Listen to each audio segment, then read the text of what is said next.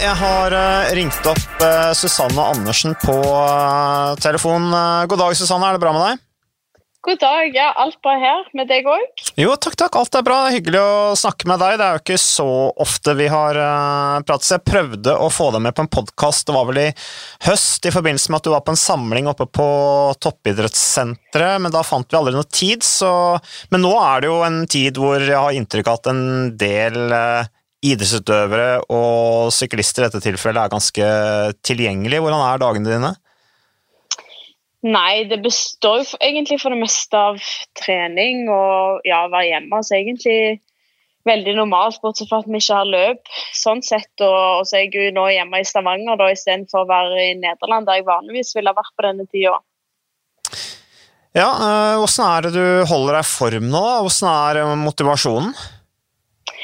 Egentlig så er motivasjonen veldig bra, eh, og kommunikasjonen sånn med laget i denne tida er òg veldig bra. Så jeg har jo kontakt med de mange ganger i uka, så egentlig så er det ganske lett å, å holde motivasjonen oppe sånn sett. Og så vet jeg jo at det kommer ritt igjen eh, en eller annen gang, så man har jo på en måte alltid noe å trene for, da. Eh, men det ble jo bare Ja, har jo bare blitt litt tilbake til sånn basetrening og sånn som jeg gjorde i vinter, og så ja, skal vi prøve Uansett om det blir hvitt eller i august, så skal vi toppe formen til da, i hvert fall. Så sånn sett så har jeg jo noe å jobbe, eh, jobbe mot, da. Jeg ser, på, jeg ser at eh, Sunweb er ganske synlig, eller de er jo blant flere lag som helt opplagt har noe, en strategi da, om å synes på, på sosiale medier. Er sånn at dere har fått en oppskrift av laget om hva hver enkelt rytter skal bidra med på sosiale medier? For jeg ser at du har litt sånn styrketrening med Susanne Andersen og tips og, på det? Uh, ja, de vil jo, vil jo, at vi skal være aktive i sosiale medier nå, siden at det er den beste måten vi kan uh, hjelpe samarbeidspartnerne på akkurat nå for øyeblikket. Uh, så vi har jo fått litt tips og sånn i forhold til hvor mye vi bør poste osv. Og, så videre, og så vil jeg jo gjerne ha hjelp til deres sosiale medier. Så det er jo mye takeovers, og så har vi jo Wednesday workout, som jeg var med på. Uh, ja, der med den styrketreningsvideoen. Så ja, vi prøver jo å være så støttende uh, for samarbeidspartnerne som mulig, da i hvert fall. Ja, det er blant annet så så jeg en av lagvenninnene dine i går, jeg husker ikke hvem nå i farten, som uh, la ut informasjon fra Sunweb til kundene om at de også kunne nå booke om feriereiser til samme pris. Er det sånn som alle da får tilsendt med anmodning om å, å sende ut?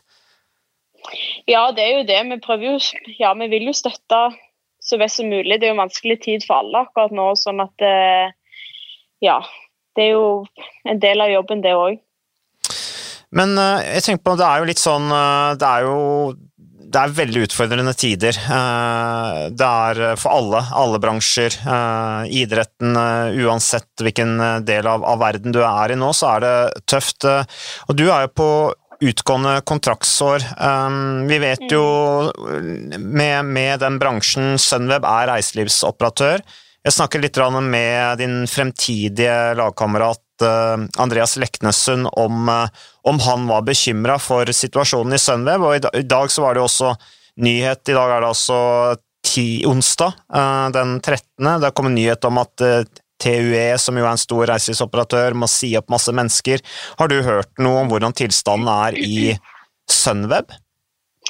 Ja, det er litt løye, for eh, vi hadde ikke hørt så mye om det, egentlig, for uh, det har jo egentlig ikke vært noen bekymringer. Men så fikk jeg så mange kommentarer fra alle andre som mente de hadde hørt at de gikk dårlig med Sunweb eller gikk dårlig med lag og sånn. Og så tenkte jeg ja vel, jeg får bare spørre da for å være sikker. Men uh, ja, det går ganske bra. For Sunweb har en uh, litt annen måte å drifte på. Så jeg tror de booker liksom ikke reisende før, før folk har bestilt eller noe sånt. Sånn at de har egentlig ikke tapt så mye penger. Og så har vi jo eh, mange andre gode samarbeidspartnere og sånne ting. Så egentlig så står helt fin i laget nå for øyeblikket, og vi har ikke fått noen annen beskjed. Så egentlig så Ja, jeg er ikke særlig bekymra, i hvert fall for øyeblikket. Ja, men Det er godt å høre, men uh, vi var inne på det, jeg var inne på det. Du er på utgående kontraktsår eh, med Sunweb. Ja. Er det du som, er det du og din far som tar forhandlingen der, eller har du noen andre som, som uh, snakker med, med, laget for deg? Nei, det er jo jeg som gjør det sjøl, egentlig. Det, kan, ja, det, er vel, det, er litt annerledes, føler jeg, for oss jentene. Det er ikke så mange med manager og sånn. Eh, så det har jo vært jeg som har gjort det tidligere, eh, og kommer til å gjøre det nå i år, da. Men jeg har jo vurdert å skaffe meg noen til å hjelpe, for det er litt ja, når man skal gå inn i lønnsforhandlinger og sånne ting og sette litt krav, så er det litt vanskelig å, å gjøre det sjøl. Er, er, du hard i forhandlingene, eller? Er du tøff til å forhandle? Nei, jeg tror nok ikke jeg har nok ennå. Jeg ja, har prøvd meg litt, men eh, jeg klarer ikke å, å presse det så lenge. Eh, så ja, det hadde nok vært bra med litt hjelp. Men er det sånn nå at du er på en måte innstilt på, med den situasjonen som er nå, nå hører vi CCC eh, trekker seg fra mm. sykkelsporten. Det går selvfølgelig utover kvinnelaget CCC Liv med bl.a. Ashley Moolman, du har eh, Marianne Foss. Eh, med mange flere der, storryttere, som da mm. er ute på markedet hvis ikke laget klarer å skaffe en ny sponsor. Du har Bigla Katusha, hvor sponsorene ikke har noe mer å bidra med. De har nå gått til UCI for å åpne denne bankgarantien for å kunne drive laget videre. Er det sånn nå at du på en måte bare er innstilt på å, å hvis du får en kontrakt, å sykle på samme vilkårene som du har hatt, og er fornøyd med det? Eh, jeg er jo veldig fornøyd i laget. og sånn som utviklingen har vært nå i år, så har jeg fått en mye sterkere rolle og posisjon òg, føler jeg. Eh, og trives definitivt veldig godt. Jeg tror Jeg føler meg i hvert fall eh, veldig heldig som er akkurat det laget jeg er, da spesielt nå i denne situasjonen. For eh, jeg syns de passer så godt på oss. Og ja, vi har jo kontakt sammen, alle jentene flere ganger i uka sammen sånn rittsimuleringer og sånne ting. Eh, så jeg har uansett lyst til å bli i laget, men jeg ja, har jo alltid, man har jo alltid håp at man skal ja, enten få litt mer sjanser eller få litt høyere lønn og sånne ting. Som er, ja, er noe jeg håper på, da. Men jeg skjønner jo at det, eh, i år kanskje ikke blir det rette året og krever for mye.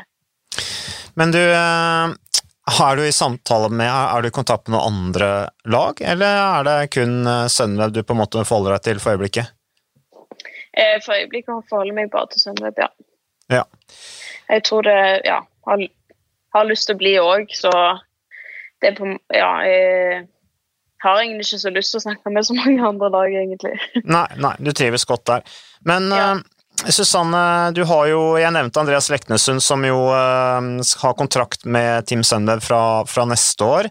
Uh, og så har du jo også en annen nordmann uh, på, i Sunweb sitt utviklingslag, Vegard Stokke fra Oslo, som jo ble seks på fellesstarten i fjorårets junior-VM i Yorkshire. Hvor mye kontakt har du med disse to norske lagkameratene dine? ja, Andreas er jo ikke lagkamerat helt ennå, så han jeg har ikke så mye kontakt med annet enn hvis ja, vi snakker på sosiale medier eller noe. Og så Vegard har jeg jo møtt litt eh, på treningsleir, og så har vi jo teammeeting og sånn eh, rett etter VM, så det er vel helst da eh, jeg har møtt på han. Så har han ikke vært så mye nær på det Keep Challenging-senteret ennå, tror jeg. Eh, men de development-guttene holder jo òg til der nede, så jeg tenker jo når han kommer ned der litt mer, så er det jo noen ganger sånn at jentene Eller ja, vi trener med det development-guttene og sånne ting òg, så det kan jo være at det blir noen treningsturer, da. Men er det sånn at Vi hadde jo en podkast med Katrine Aalerud fra Pamplona da hun satt i lockdown eh, der nede. Um, men hun sa jo at i, i Movistar så hadde de jo sånne felles uh, teammeetings på på eh, Skype eller Teams eller hva de brukte, med alle jentene, alle gutta. Eh, har dere det samme i, i Sunweb? Nei, vi har ikke det. Jeg syns det høres litt kaotisk ut hvis alle skal være inne på samme møte. Men eh, vi har jo møte alle med jentene sammen, da, som er sportsdirektøren og sånne ting, uh, en gang i uka minst. Eh, og så har vi noen ganger sånn ekspertmøte òg. ja. Så vi holder jo kontakten med òg på Teams.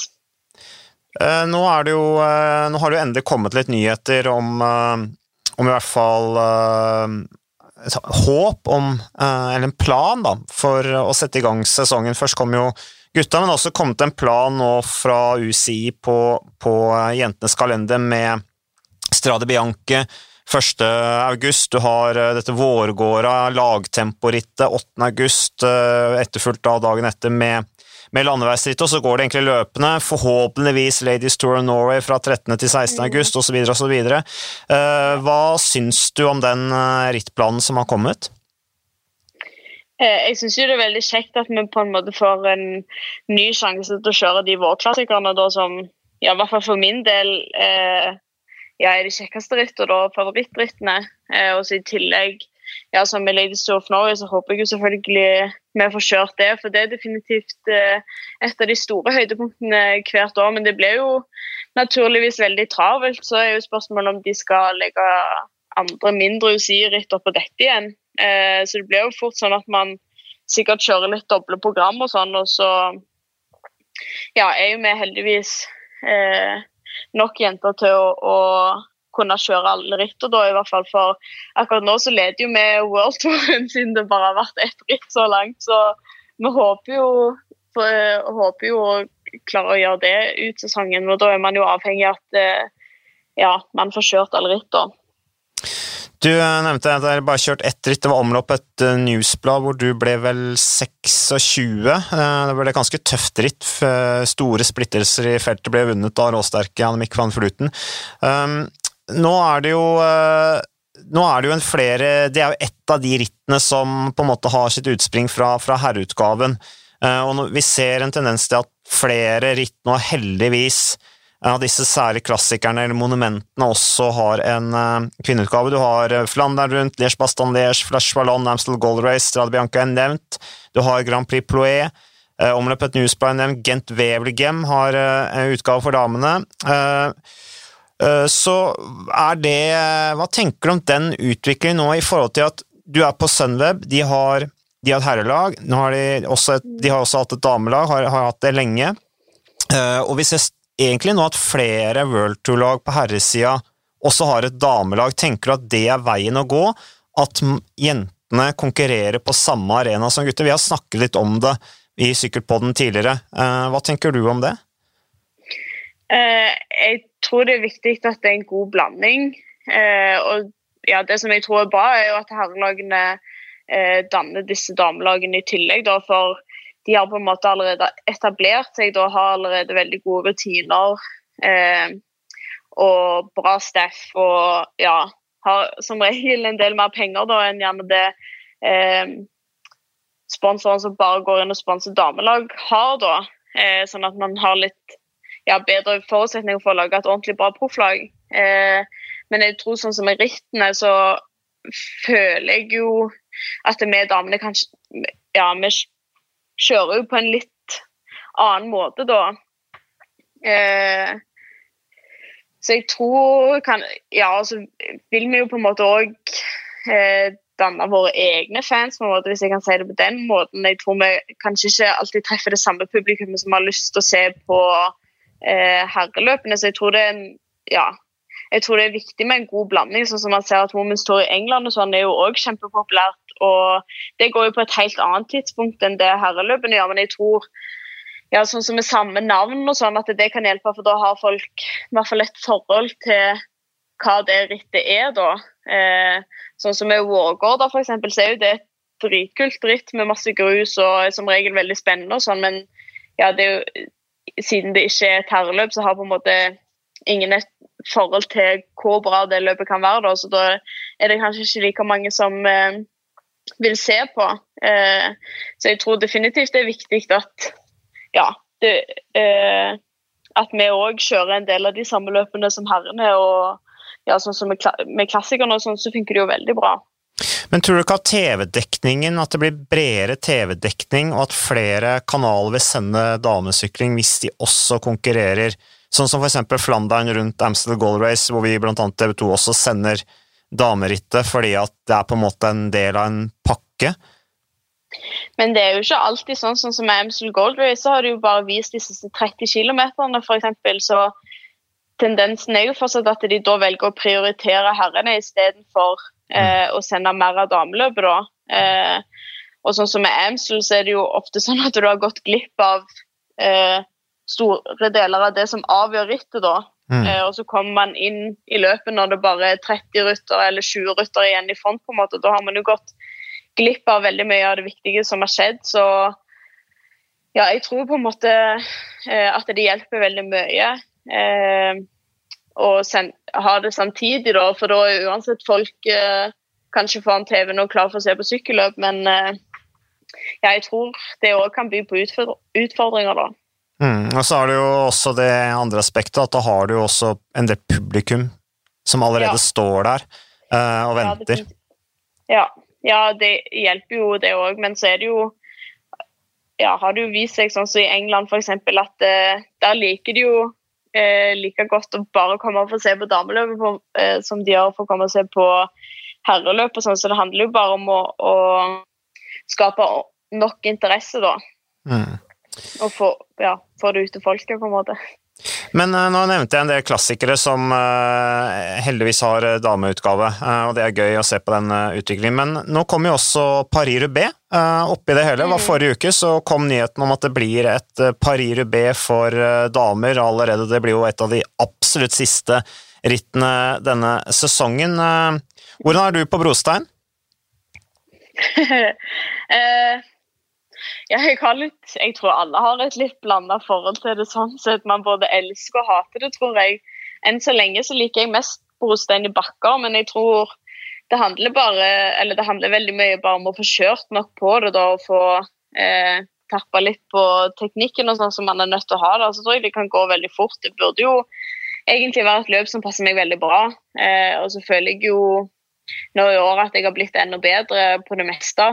Så jeg håper jo definitivt jeg får kjørt. Det er jo eh, Ja, det, folk klarer vel ikke helt å bestemme seg for hva de syns er størst av Paris-Roubais og Flandern, så det er jo definitivt eh, et løp man har lyst til å få med seg.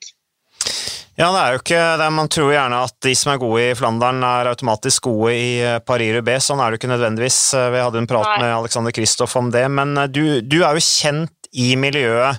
Eh, du ble jo hyllet av Katrine Aalerud, eh, var det vel, eh, for måten du sykler i felt. Hvis ikke det var Stine Borgerli, jeg husker ikke helt hvem av de det var, men måten du sykler i felt på, er det på en måte noe Du, du er blitt en litt sånn mentor, slik jeg forstår det, for de andre norske uh, jentene når dere er på landslaget i forhold til å sykle i felt. Uh, så burde jo det passe deg bra med klassikerne, da?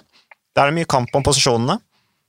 Ja, definitivt. Og det er jo en av de rollene jeg har i laget òg, for så vidt. er ja, posisjonskaptein, da er det liksom den nye betegnelsen at jeg skal være med å, legge litt sånn posisjonsplan ja, og hjelpe laget å posisjonere seg inn mot de viktige eh, delene av løpet og sånn. Så det er jo definitivt eh, ja, noe jeg har klart å bli god på, da. Eh, og det hjelper jo veldig mye. Og jeg tror spesielt i Paris-Roubaix og Flandern og sånn, så ja, jeg tror det er på en måte en egenskap som man enten har eller ikke har. Så kan man trene litt opp, men eh, ja. Jeg tror eh, ja. Så du tror det er noe som ligger der instinktivt, altså det der å sitte i, eh, i felt, mer enn ja, en treningssak? Ja, litt tror jeg. Det er jo begrensa hvor mye du kan trene på det, da. Eh, det er jo bare ritt. Eh, og man får jo gjerne ikke så mange sjanser på å trene ordentlig på det. fordi hvis du da ikke er der den ene gangen, så er du ikke har du ikke så mange andre ganger du kan posisjonere deg. på en måte. Det er jo, ja, Da er man der jo, ellers er man der ikke. Eh, så jeg tror det handler veldig mye om eh, hva man har trent på fra når man har starta å sykle. da. Og så har det jo også selvfølgelig mye å si med styrke i forhold til hvilken posisjon du klarer å holde i feltet. Um, så ja, formen har mye å si. Ja, det er jo to måter å komme i posisjon på. Det er jo enten å, bare kjøre ja, rett ut i vinden og rett fram, eller inn i feltet. Da. Så ja, det hjelper definitivt å, å være sterk nok og tørre å bruke nok krefter på det. Men eh, hva er, dine, hva er, det du sier til jentene da, når dere er på landslaget og de spør deg liksom uh, Hvilke råd gir du dem i forhold til posisjonskampen i? For vi vet jo at det er en del jenter uh, Miriam Bjørnsrud har snakket mye om det, den belastningen når du har velta en del, det er tøft i feltet, de møter konkurrenter som gjerne kommer fra litt tøffere miljøer enn det vi er vant til i, i, i Norge. Er, hvilke råd gir du? Ja, hvilken råd kan man gi? Det er jo mer litt sånn Ja, prøve å få de til å følge meg, da, i hvert fall sånn at eh, jeg f.eks. kan ja, vise de fram i feltet hvordan jeg ville ha gjort det da.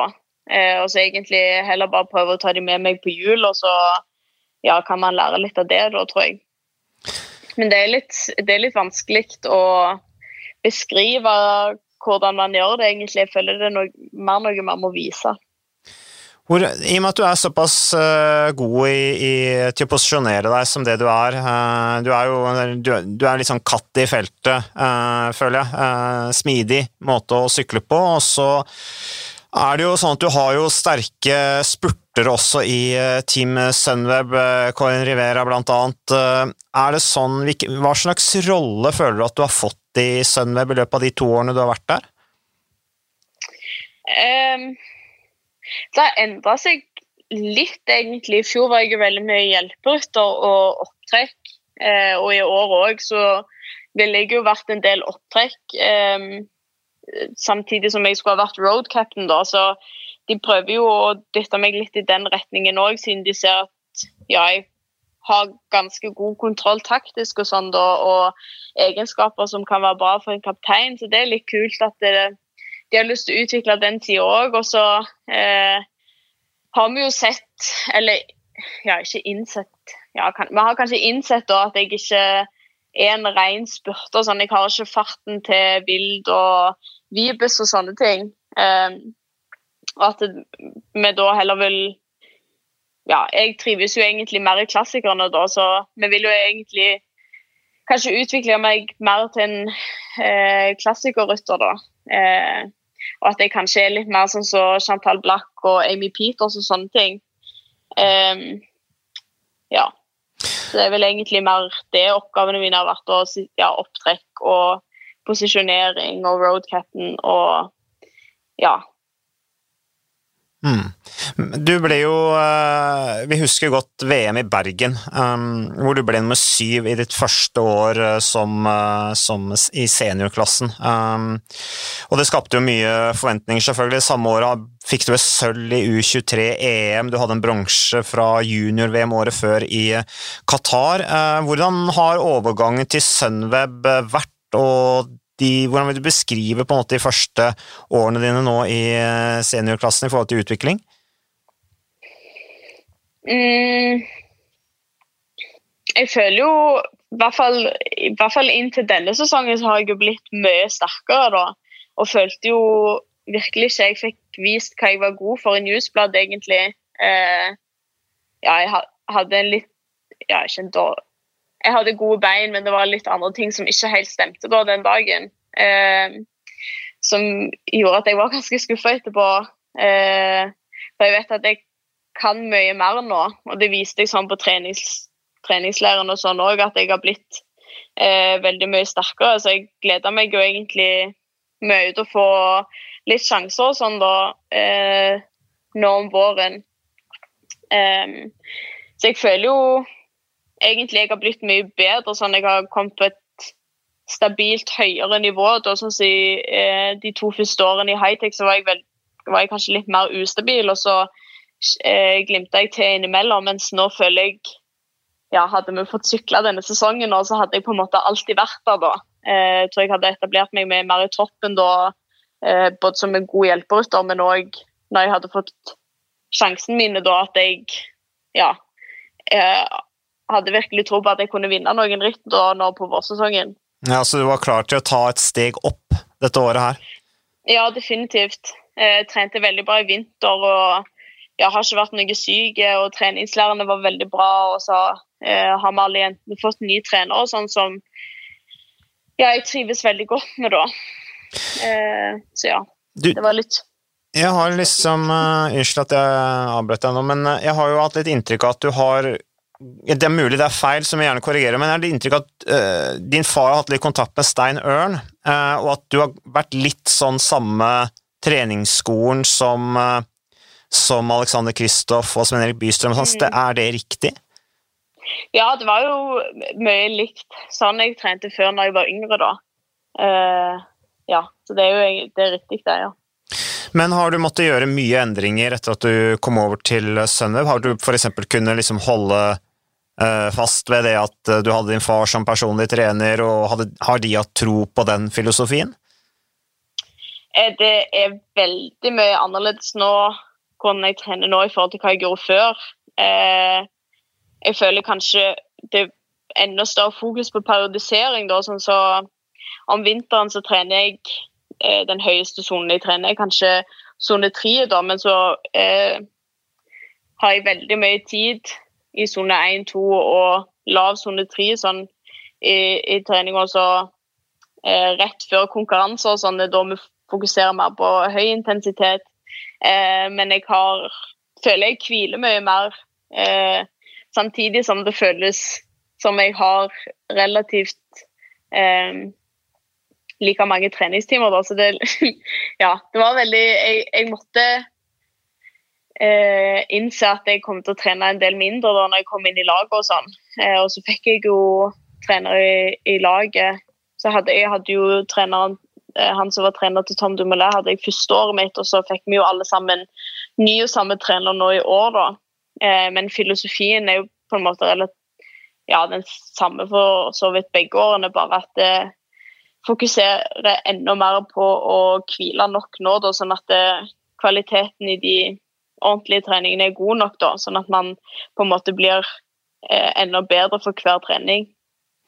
Men er det sånn, hvor mange trenere er det i Hvor mange har hver trener, eller hvor mange er det hver trener følger opp uh, hos dere?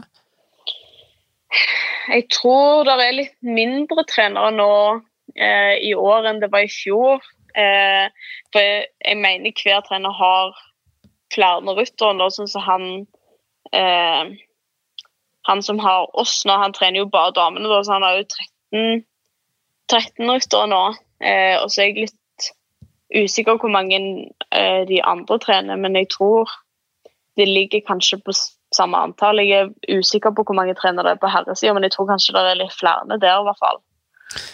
Eh, men at eh, damelaget og development-laget på en måte Ja, vi har våre trenere, så tipper jeg at de òg kanskje har én eller to trenere, eller noe sånt. Mm.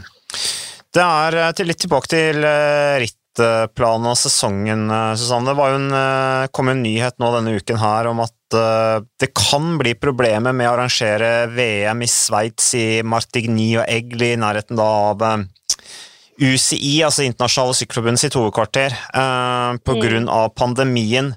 Eh, og at alternativ er å flytte til Midtøsten, og da er jo Qatar oppe som er, er aktuelt som ett av de land. Du har jo litt blandede eh, erfaringer med Qatar. Du fikk bronsemedaljen din, men eh, du hadde jo også en litt sånn uheldig episode der nede. Du blir jo nedkjørt. Hva tenker du om og, og, og, og du ble, opplevde kanskje litt kvinnediskriminering i den sammenhengen der, slik jeg har forstått det, med dårlige holdninger, eh, mm. rent sånn kulturelt, i, i, i, Qatar.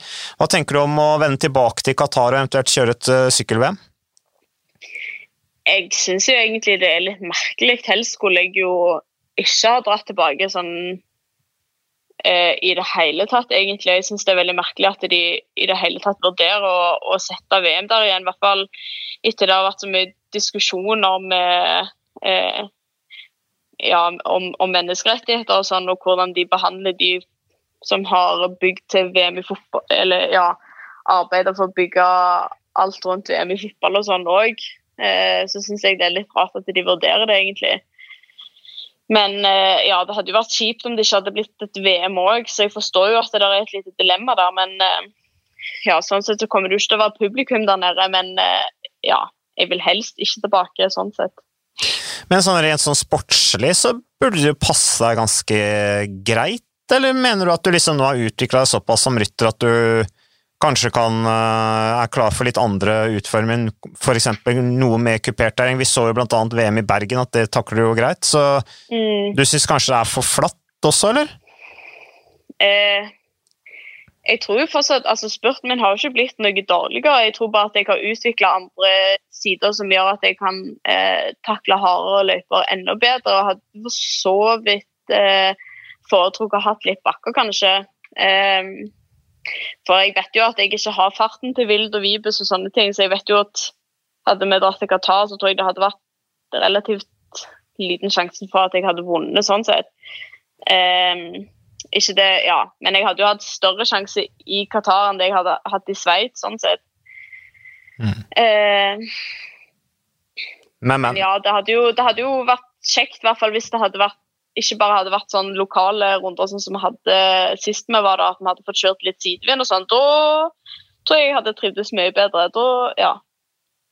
Ja, Vi får se hvordan det der utvikler seg. Det er jo ikke sikkert det blir Qatar om det blir Midtøsten heller. Det er jo blant annet Oman er jo trukket fram også som en, en mulighet, så får vi bare se. Men eh, vi var inne på, det snakka vi om, eh, jeg syns det er naturlig å spørre deg også om det.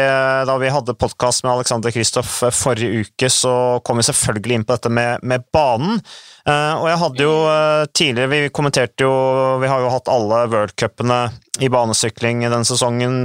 Viste jo VM i, fra Berlin, hvor Anita Yvonne Stenberg uh, jo fikk bronsemedalje i, i, poengrittet der. Ja. og hun også sa på Sykkelpodden at hun ønsket jo flere norske jenter velkommen til å være med på en satsing eh, på bane. Hun ønska seg et lagtempo, eller på banen så heter det jo forfølgelse, eh, for, mm. for, for, lag, da, forfølgelsesritt for lag. Uh, og også muligens Madison, um, som jo er parløp. Hva tenker du om uh, også dreie deler av satsinga di inn mot uh, bane når Solavelodromen kommer opp? Det spørs om jeg kunne satsa så så mye. Det er jo eh, en del av de landeveisjentene som eh, ja, utenlandske som òg kjører en del på bane, men eh, Kirsten Wilt har du nevnt, blant annet. Mm, ja, og hun kjører jo veldig bra begge steder.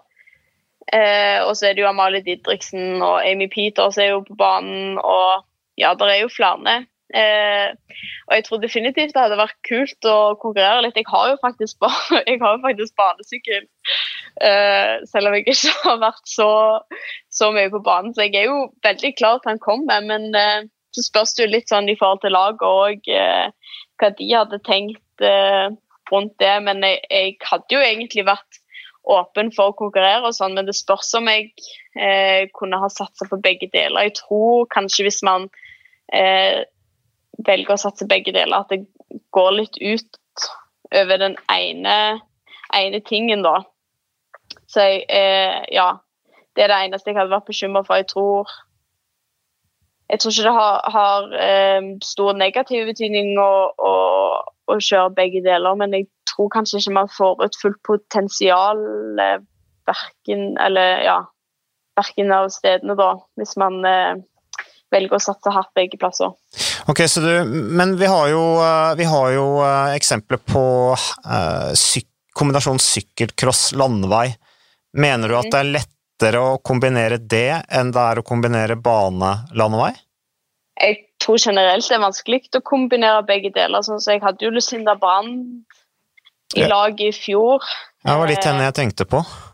Mm, og det er jo noen ganger sånn at hvis man Altså, du må jo planlegge veldig nøye, da. Eh, hvordan du velger å, å, gjøre det. Og så må du jo Har du jo gjerne en hvileuke, f.eks. Eh, etter VM, da, eller hva Ja. Det blir jo det blir, Hun trente jo litt annerledes da enn det med andre jentene som bare sykla landevei gjorde, så jeg vet ikke om, om, det er optimalt sånn sett. Så jeg kan kanskje si jeg er bitte litt skeptisk til det, bare. Ja, for Jeg leste intervjuet med Lucinda Brandt, eh, for vi har også sendt alle verdenscupene i sykkelcross eh, de siste årene, og der har jo hun selvfølgelig vært toneavgivende. Um, og hun eh, blir jo intervjuet om den kombinasjonen med landevei og sykkelcross, og så vidt jeg husker tilbake på det intervjuet, så sa hun at det som er viktig, er at du ikke konkurrerer helg etter helg. Sånn at hun Ja. passa på at hun alltid hadde en helg imellom hver eh, konkurransehelg, da. Ja, for du vil jo gjerne ha en del god basetrening om vinteren. men Hvis du da konkurrerer hver helg, så er du jo nødt til å hvile en del. Så jeg tror gjerne det er en del treningsmengde som er nødvendig på landeveien, da, som går vekk hvis du velger å konkurrere hver helg. da. Så beskjeden din til Anita Johan Stenberg er at uh, hun må, uh, må overbevise deg litt før du eventuelt uh, blir med på det lagtempolaget på, på banen der. Ja, jeg tror det, men du kommer nok til å se meg på Sola Arena noen ganger. og Jeg tenker jeg kommer til å trene der eh, litt, forhåpentligvis. Du nevnte litt på, i starten av det intervjuet her eh, at eh, du nevnte disse her rittene. Da oppfatta jeg det som at det var Swift-ritt, eller hvilken plattform dere bruker. Er du mye med på, på det nå, eller? Nei, vi, jeg kjører ingenting på ruller, egentlig. De rittsimuleringene vi har, er over Microsoft Teams. Oh, ja, ok. Eh, Så ja, det er litt spesielt, faktisk. For eh, hver uke så har vi race prep som om det skulle vært vanlig ritt. Og sånn så ja, vi ser på detaljene på løypa og, og analyserer lagene og de rytterne som skal være med. Da, så har vi på en måte fått tildelt et lag. Da, så er man et forskjellig lag hver uke. Sånn eksempel en uke så er jeg på gruppe med to andre, så er vi Trekk seg for eksempel, og så skal vi legge taktikk for vårt lag da inn eh, til det rittet. Og så når vi har det Teams-møtet, så er jo sportsdirektørene der, så eh, får vi på en måte eh, Går vi gjennom forskjellige deler av løpet, da, og så gir de oss forskjellige scenarioer, og så skal vi fortelle hva vi ville ha gjort i det øyeblikket. Da. Så det er på en måte akkurat som å kjøre et løp, bare at vi skriver istedenfor. Ok, så det er ren teori, altså? Litt sånn rollespill nesten, eller? Ja, det blir jo litt rollespill, da. Og så kan eh, si at vi får be er på kilometer 13, og så går eh, det mye aktiv kjøring i feltet, og den og den rytteren har kommet av gårde, hva vil ditt lag gjøre? Eh, kommer dere, og så sier man ja, har man lyst til å bridge? Eh, skal man la det gå? Eller sånne ting. Og ja, f.eks. når man kommer inn mot en bakke sånn med posisjonering og skal vi støte i denne bakken, og ja, vi kjører bare ritt og bare på Teams. Så det er Det er mental, ganske, det er eh, ganske mental ritt uh, Altså, det er rett og slett visualisering, da, på en måte? Ja.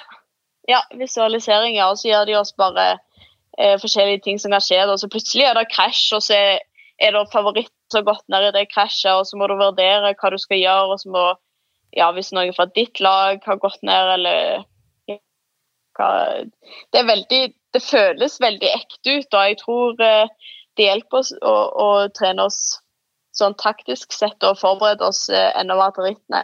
Så det er også litt sånn eh, taktisk i forhold til å legge opp ulike planer, da, sånn rent mentalt sett, sånn at man hele tiden tenker en plan B, hvis ikke plan A. Vi hadde jo intervju, når vi snakka med Gaber Rask om det, så sa han måten de planlegger på i Team Inios er veldig sånn, de planlegger plan A, B, C, D. Altså at de har en plan hvis alt skal skje, da. Det litt, Mm. blir det litt det samme? Det er kanskje vanskelig å svare på. Kanskje ikke helt, for vi prøver, vi, det vi vil trene, er jo på en måte mer eh, hvordan vi ville ha reagert hvis dette hadde skjedd i løpet. Da, sånn at vi eh, for hver gang måte, Hvis vi ser det scenarioet igjen, så vet vi litt mer eh, hvilken valg vi skal ta da.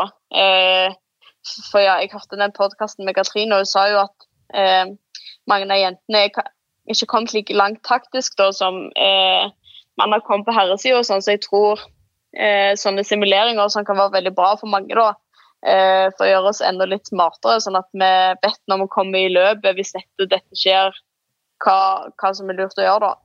Det er ganske interessant å høre at dere bruker helt sånn systematisk ganske mye tid på, på rett og slett eh, mentaltrening rundt uh, rittsituasjonen, men er det noe dere gjør nå av eh, koronakrisen og fordi det ikke er Ja. noe ritt som et alternativ, eller ville dere gjort det uansett?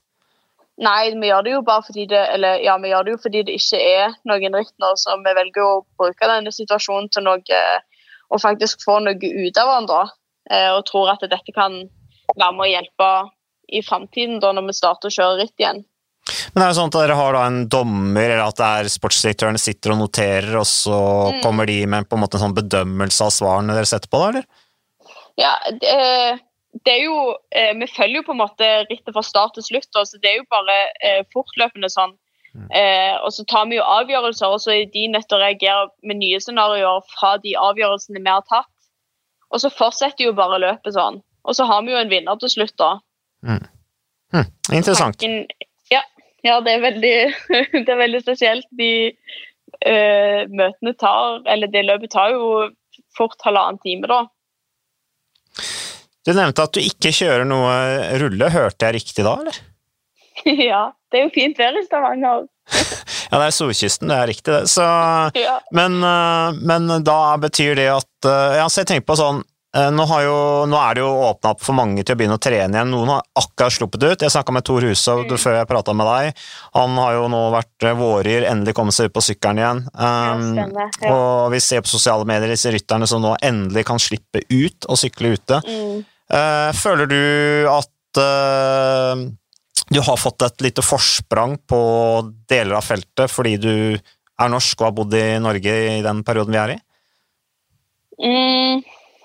Jeg tror jo egentlig det er ganske god trening på rulle òg, for så vidt. Det er bare litt annerledes. De får kanskje ikke trent like mange timer. Eh, men mentalt sett så tror jeg i hvert fall det har vært mye lettere for meg i denne perioden, i og med at jeg kunne sykle ute. da. Jeg hadde jo, har jo hatt ei lagvenninne som har vært nødt til å sitte på rulla nå. Eh, og ja, hadde sin første tur ute på mandag. Eh, på jeg vet ikke hvor mange uker. Altfor mange, i hvert fall. Eh, så ja, man føler jo kanskje det, men flesteparten har jo hatt muligheten til å sykle ute. Det er vel Spania, Frankrike og Italia, da, eh, sånn sett. Men det ser jo sånn som det i hvert fall ser på sosiale medier, det er jo alt jeg kan vurdere dette, så ser det ut som de har trent bra uansett. Eh, jeg føler kanskje ikke jeg har et forsprang sånn sett, men jeg eh, føler jo uansett at den treninga jeg har lagt ned, er bra, da. Så du er godt forberedt når eh, sesongen skal starte opp igjen? Ja, det føles, ja, det føles sånn ut. Jeg er veldig motivert for at det skal starte igjen, for det er litt kjedelig for å trene. Men uh, hva er eh, liksom når Vi har snakka om Paris-Roubais, det blir spennende å se. Først må du selvfølgelig komme på laget der, og først og fremst så må det jo bli ritt. Vi bare krysser fingrene for at det blir det. Hva er liksom Hva er drømmen din nå for Hva blir det store målet ditt for, for sesongen, hvis det blir sesong som, som planlagt, som vi pratet om tidligere i, i, i denne podkasten? Ja, jeg skulle jo sykle sånn som Gent Wevelgem og Flandern og sånn, så jeg satser jo fortsatt på at jeg får sykle de rittene der, da. Eh, så det blir vel egentlig de klassikerne når de kommer, at det kommer til å bli det største målet, da. Eh, for vanligvis hvis VM er i Sveits og sånn, så passer det meg kanskje ikke sånn kjempebra. Um, så ja, det som er litt dumt, det er jo kanskje at jeg mista en del av de sjansene jeg ellers ville ha fått uh, nå denne sesongen. De mister jeg jo gjerne fordi at det er bare de aller største klassikerne sånn som kommer nå på, på høstsesongen. Men eh, målet er jo for så vidt at vi skal eh, vinne mange World Tour-ritter uansett. Du har jo Grand Prix Ploé, burde passe deg bra. Gent Wevelgem Flandern rundt nevnte du. Det går altså 11. Mm. og 18. oktober da, etter planen. Eh, du har jo vist før at du har vært i bra form på høsten, eh, så det burde jo, hvis du har bygget et godt grunnlag nå og trent bra, så er du er vel ikke, det er ikke en sånn rytter som daler veldig i form på høsten, er det det?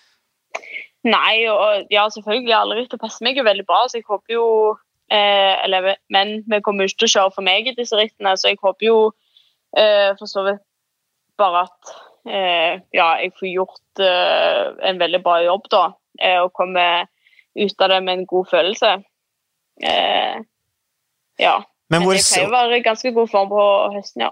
Men hvor satt er det da, Susanne? Altså, du nevner at du, de skal ikke kjøre for deg. Hvor sikker er du på det? Altså Hvis du er i bra form, du har kjempebein, er det sånn at du bare mentalt er innstilt på at du kommer ikke til å få fri rolle uansett?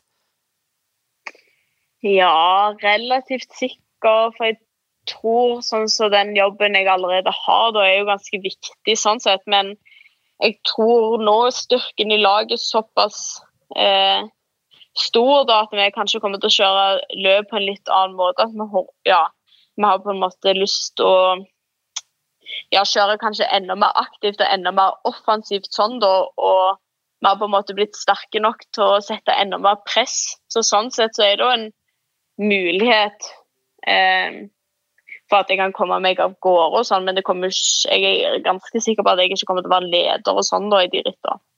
Nei, for Når du nevnte nå, når vi var litt inne på det og utfordra litt på det du sa, så fikk jeg litt sånn inntrykk av at uh, det høres litt sånn defensivt ut. Ikke fra din side, men fra lagets side. Uh, hvis du ser på de sånn moderne sykkeltaktikk i klassikerne, f.eks. hvis du tar Quickstep, som jo bare mm. fyrer løs med ryttere i brudd, og egentlig så skjønner du at da får de en sjanse Eh, mm. Hvis det bare eh, Det er på en måte muligheten, hvis de bare klarer å holde unna.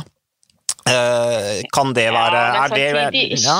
Ikke da fordi vin, altså vinnerbruddet pleier jo som regel å gå på et eller annet Altså ikke et gitt tidspunkt i løpet, men det er jo som regel rundt omkring de samme stedene, på en måte.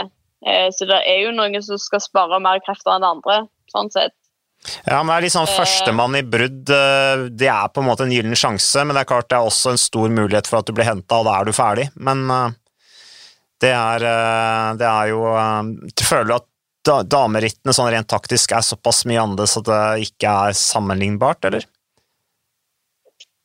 I klassikerne er det kanskje mer sammenlignbart, da. Eh, og i hvert fall sånn, sånn som Flandern pleier på en måte å avgjøres litt på lik måte hvert år, da. Så det er på en måte litt mer forutsigbart. Eh, mens mange av andre rittene, så er, ja, er det veldig annerledes, da. Men jeg tror jo, sånn som med det laget vi har nå, da, så har jo vi et håp eh, Eller har vi jo lyst til å kjøre mer sånn som Quickstep og sånn gjør, da. For vi er jo eh, sånn sett et av de sterkeste lagene på papiret, da. Mm. Det blir spennende å se. Susanne, bare sånn til slutt. Uh, har du kontakt med mye av de andre kollegaene dine ute på, på konkurrerende lag? Tenker du på de andre norske jentene, da? Ja, for eksempel. Altså, vi har jo, hatt, eh, vi har jo snakka med Stine Borgerli og Katrine Aalerud, og, men, men har du hørt noe liksom, Hva sier jentene i forhold til situasjonen? Kjenner du noen i CCC Liv, for eksempel? Eh, har du hørt noe om hva de Nei. tenker om situasjonen? Nei, jeg snakker helt ærlig ikke med så mange andre. Jeg snakker jo litt med de norske, de holder jo litt kontakt med. Men sånn som med resten, så har jeg egentlig bare kontakt med lagvenninnene. Mm. Så jeg eh, ja, er litt usikker på hvordan det går. Eh, går med resten.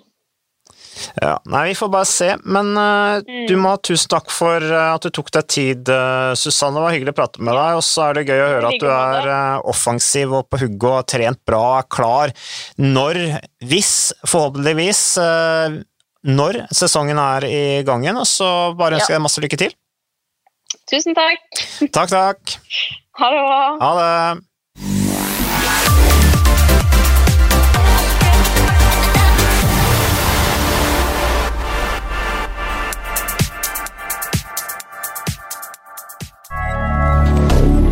moderne media.